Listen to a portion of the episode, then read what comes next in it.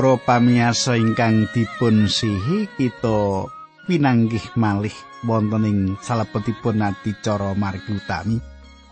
Sesarengan kalian kula pendeta Pujiyanto kados pundi pawartos panjenengan lan ugi keluarga panjenengan wekdal menika pangajeng-ajeng kula panjenengan lan keluarga tansah wonten ing kahanan ingkang sae lan tentu kemawon kebak asukurna.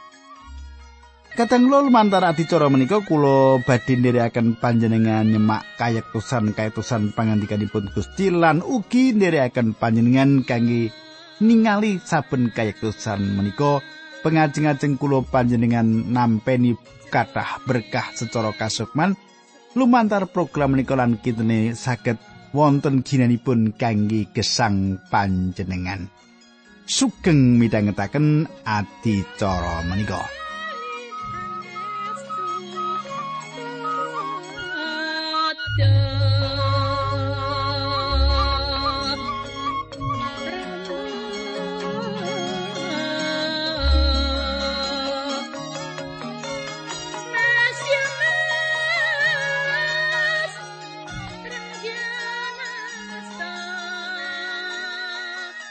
Para pamirsa ingkang kula tresnani sae menawi kula saderengipun nglajengaken kula ngaturaken reringkesan menapa ingkang kula aturaken duk pepanggihan kepengker nggih.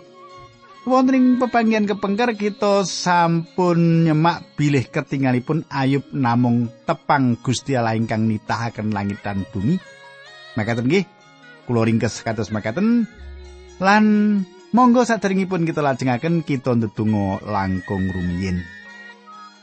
Kanjeng Rama ingkang ngadhedham para wonten kraton ing kasuwargan kawula ngaturaken kuning panuwun menawi wekdal menika kawula saged tetunggilan kalian sederek-sederek kawula ingkang setya tuhu midhangetaken adicara menika. Kawula nyuwun Gusti berkahi adicara menika lan jebati adicara menika kanthi makaten saged dados berkah kangge sanak kadang kawula ingkang mirengaken adicara menika. Wonten asmanipun Gusti Kawula Yesus Kristus kawula netunggal haleluya. Amin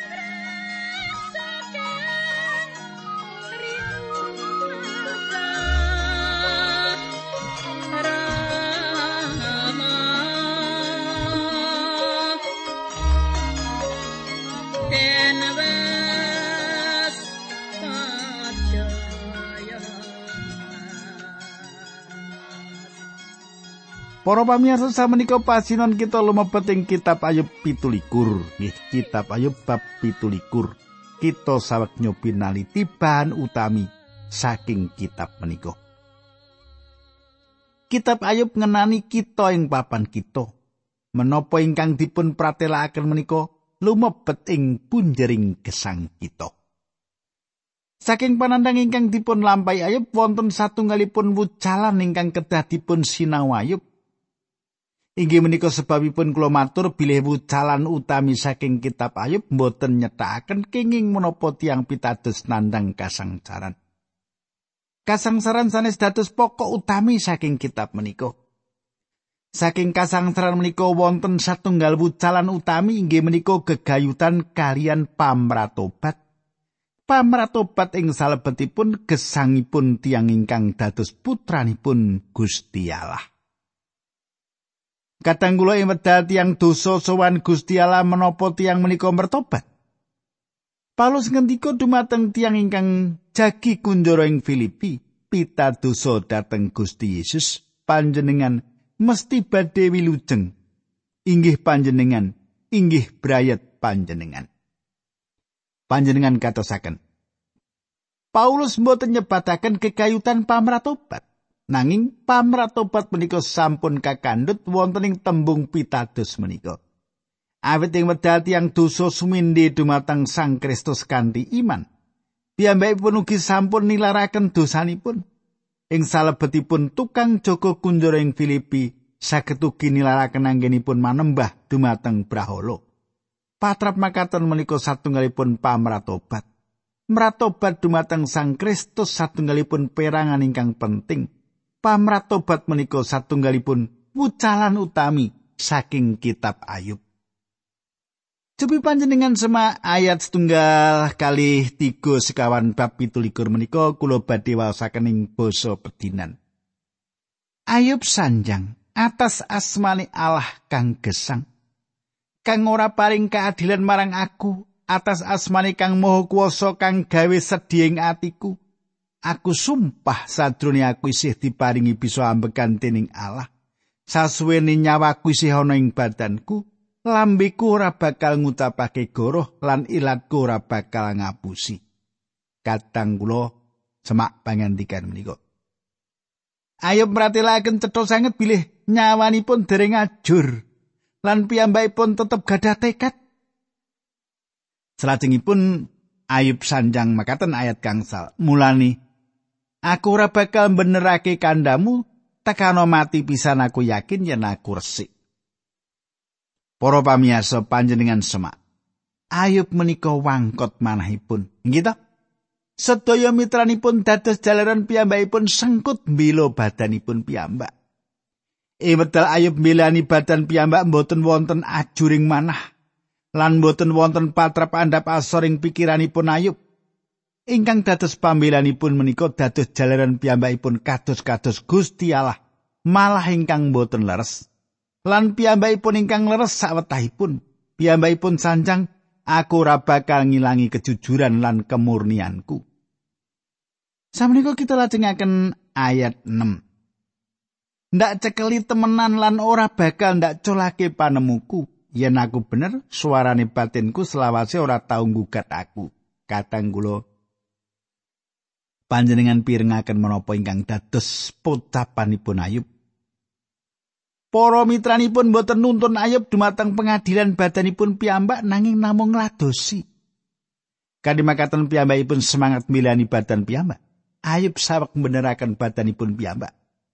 Panjenengan semak Gusti Allah boten ketinggal wonten ing pirembagan menika.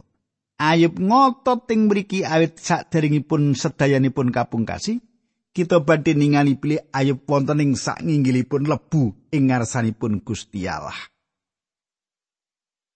wonten satunggal bucaran kangge kita. Ingkang kedah kita sinau ing mriki. Kula sampun mesti kemawon badhe meratelaken bilih menapa kemawon ingkang dipun sanjangaken para mitranipun ayub menika leres. Kula ugi gadah pemanggih bilih tiang-tiang menika gadah kekajengan ingkang sae piyambak sinau so menapa ingkang dipun tindakaken menika leres nanging kula gagas para mitranipun ayub menika mboten gadah kayektosan Para mitranipun menika meratelaken pengalaman pakulinan lan ingkang wonten gegayutan kalian paugeran. Nanging para mitranipun menika mboten nate nyukani kayektosan dumateng Ayub. Awit gagal nindakaken menika, para mitranipun menika mbangun kumingsunipun manungsa. Kadang kula, kula badhe mbangsuli awit perkawis menika penting. Para mitranipun gadah anggepan bilih Ayub menika sampun nindakaken dosa ingkang boten kamangertos lan para mitranipun menika budidaya mbeberaken. Ayub dereng nindakaken dosa ingkang ageng ingkang kadadosaken wadi. Ayub mangertos para mitranipun menika lepat, awit para mitranipun menika lepat, Ayub gadah panginten bilih piyambakipun wonten ing pihak ingkang leres. Inggih wonten ing mriki Ayub nindakaken kalepatan. kasunyatanipun pilih para mitranipun lepat. Mboten ateges menawi sampun kadenangan para mitranipun lepatipun lajeng adamel Ayub dados leres. Ayub kedahipun sowan ing ngarsanipun Gusti Allah kanthi manah ingkang remuk. Salah satunggal panandangipun ingkang nempuh gesang menika tujuanipun inggih menika supados kita gadah manah ingkang remuk wonten ing ngarsanipun Gusti Allah. wonten tiang ingkang sanjang bilih ajuring manah menika kados dene srengenge. Srengenge ingkang nyunari lilin, pramila lilin menika badhe leleh. Sunaripun srengenge ingkang nyunari lempung, pramila lempung menika badhe dados atos. Inggih menika kangilan badhe ngandut akibat ingkang boten sami ing saben tiang. Saperangan wonten ingkang nanggapi kanthi manah ingkang ajur, Manahipun ajur ing ngarsanipun Gusti Allah, Ayub dereng ngantos dumugi ing mriku. Piyambakipun tasih atos sing wedal semanten kados paku ing kejujuran lan kemurnianipun piyambak. Kadang kula kabeneran kundak cekel teguh lan ora tak colake atiku ora cacat senadyan mung sedina saumurku. Inggih makaten menika kahanan para warganipun pesaman ing wedal menika. Warga pesaman menika ngrasakaken ingkang sami. Jaminan kawilujengan inggih menika satunggalipun perkawis ingkang gumunaken. Nanging panjenengan saged dados tiang dosa ingkang mangkotaken manah. kanthi anggapan panjenengan sampun pikantuk jaminan kawilujengan kamangka ingkang sejatosipun namung kumingsun panjenengan ingkang ageng kemawon. Panjenengan rumaos bilih panjenengan sampun ngribah ayub gada anggapan bilih piyambakipun sampun kasil lan piyambakipun badhe manggihaken perkawis ingkang sae. Kula lajengaken ayat pitu. Muga mungsuhku padha dihukum kaya wong Allah lan sing padha sengit marang aku dihukum kaya durjana. Panjenengan gatosaken ayub mapanaken saben tiang ingkang boten sapemanggih kalian piyambakipun. Tiang-tiang menika kados mengsaipun, tiang-tiang menika awon lan boten leres. Kulo sanjangaken bilih kahanan menika satunggalipun kahanan ingkang bebayani kangge sinten kemawon. Samenika Gusti Allah badhe ngandikan kegayutan tiang duraka lan menapa ingkang badhe nempuh tiang menika. Ayub badhe ngawontenaken kuliah ringkes ing tengahipun kangilan tiang menika badhe nyukani kuliah gegayutan tiang duraka. Kula badhe masaken ayat 8 ngantos 11 makaten surasipun. Wong ala apa ana pangarep-arepe semasa Allah nyabut nyawani? Apa Allah bakal miyarsake tangisi yen wong mau katekan kesengsaran? kudune wong mau nyuwun kabungan saka Allah lan ndedonga tanpa rumangsa salah. Kowe arep ndak ulang bab Allah kang Maha Kuwasa, ndak sumurupake marang panguwasa lan kawicaksanani. Katanggula ayub sanjang pilih tiang awon saged ugi gesang makmur. Nanging pungkasanipun Gusti Allah badhe paring paukuman dumateng tiang duraka menika. Samenika ayat 19 ngantos likur. nalika mapan turu isih kaya wong sugih nanging mung sepisan kuwi bareng tangi turu bandane wis entek gusis tekane rasa giris kaya banjir bandang sing tekane dadakan. Kaya lesus ing wayah bengi ngamuk lan nyeret wonge digawa lunga. Dheweke diangkat dening angin sing tekane saka wetan digelandang saka omahe.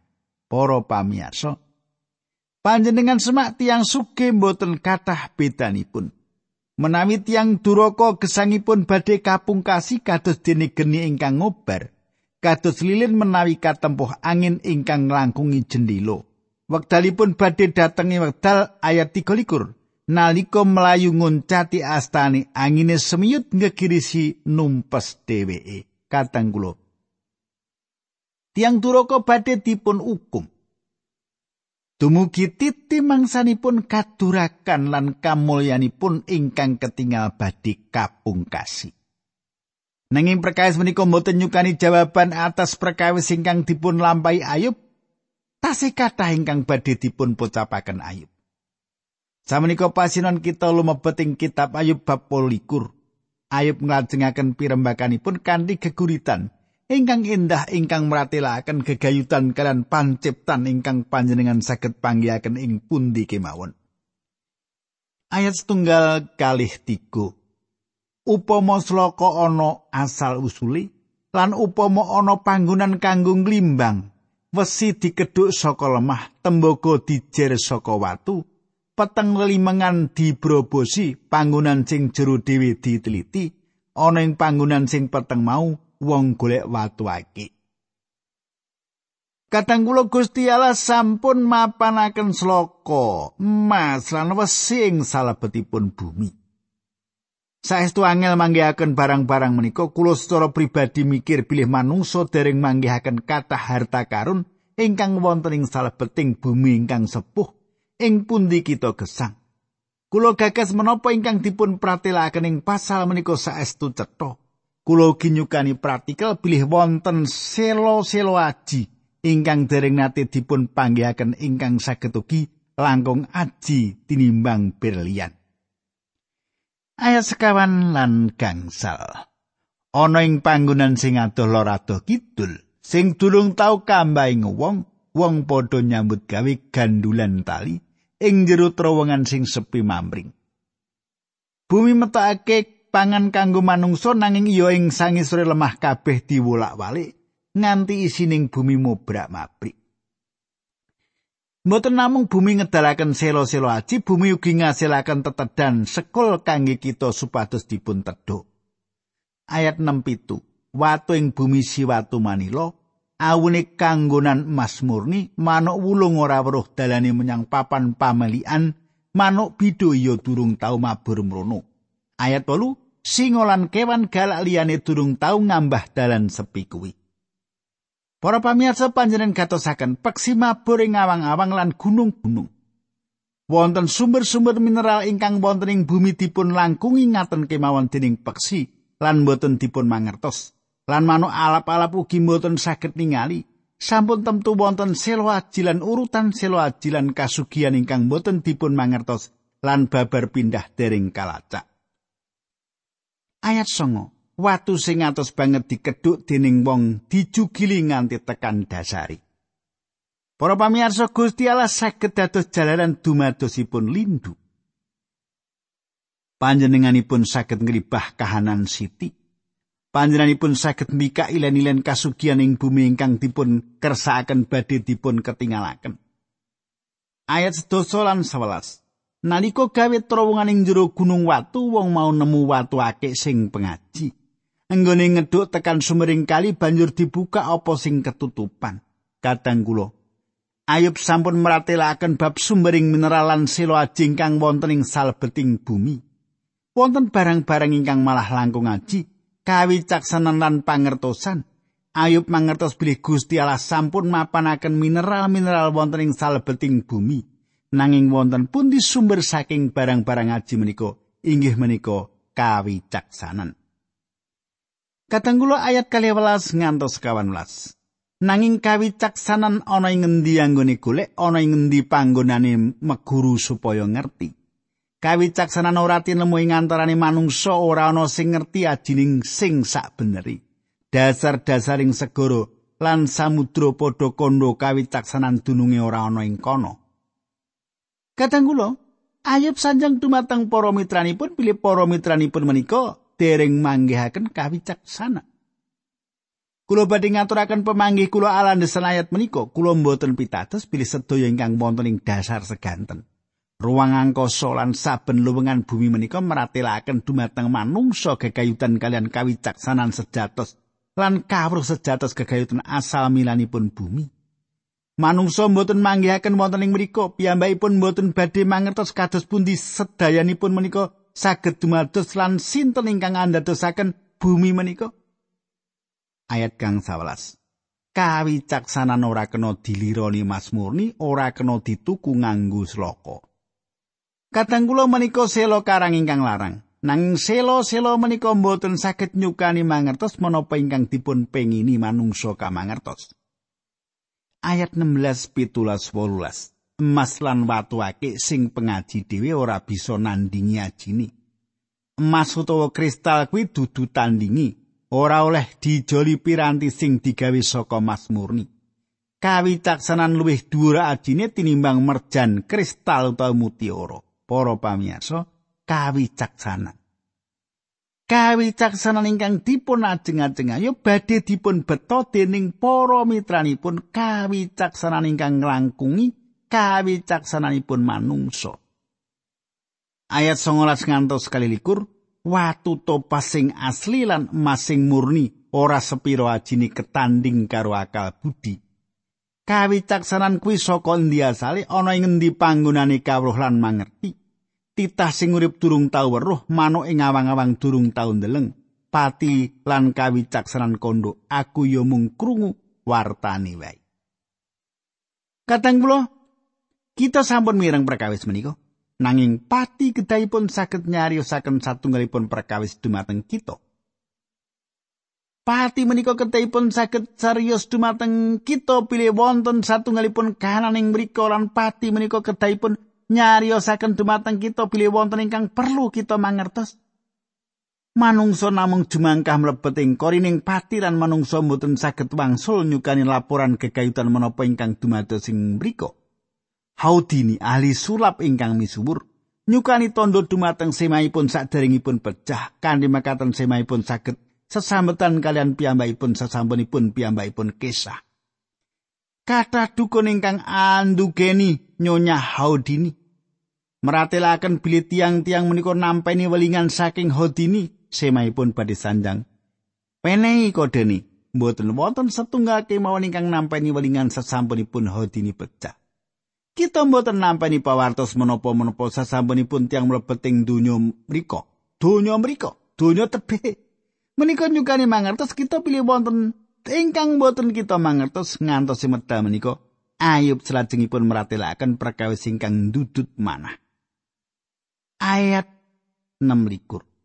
Naliko diatur tibane udan lan dalan sing diambatin ning kilat lan gruduk kadang kula. Sadangunipun mataun-taun para tiyang ingkang remen ngritik meratelaken bilih menika satunggalipun pratela ingkang lepat. Bilih saben tiyang mangertos panjenengan ningali kilat saderengipun panjenengan mireng gluduk. Nanging sasampunipun dipun mangertos bilih gelombang swanten mboten langkung cepet tinimbang gelombang cahya. Tiang-tiang mangertos bilih kilat satunggalipun cahya saking gluduk ingkang dumados. Kados menapa nggumunaken. Bilih priyanton ingkang saat kita payut mangertos bilih menika kilat gluduk. Para pamirsa, ngantos dumugi semanten pangandikanipun Gusti ingkang kita gilut-gilut lan kita sinau, idunipun saged dados kegiatan panjenengan sinau menapa ingkang dipun pratelaken ayub. Monggo kita tumungkul kita ndedonga sesarengan. Duh Kanjeng Rama ing swarga kawula ngaturaken gunging panuwun menawi dal menika kawula saged tetunggilan kalian sedherek kawula ingkang setya tuhu midhangetaken adicara menika. Kawula nyuwun Gusti berkahi adicara menika sedherek kawula ingkang sampun midhangetaken menika saged wonten pucalan ingkang kacandhi ing manahipun. Dinambaran asmanipun Gusti Yesus Kristus kawula tunggu haleluya amin.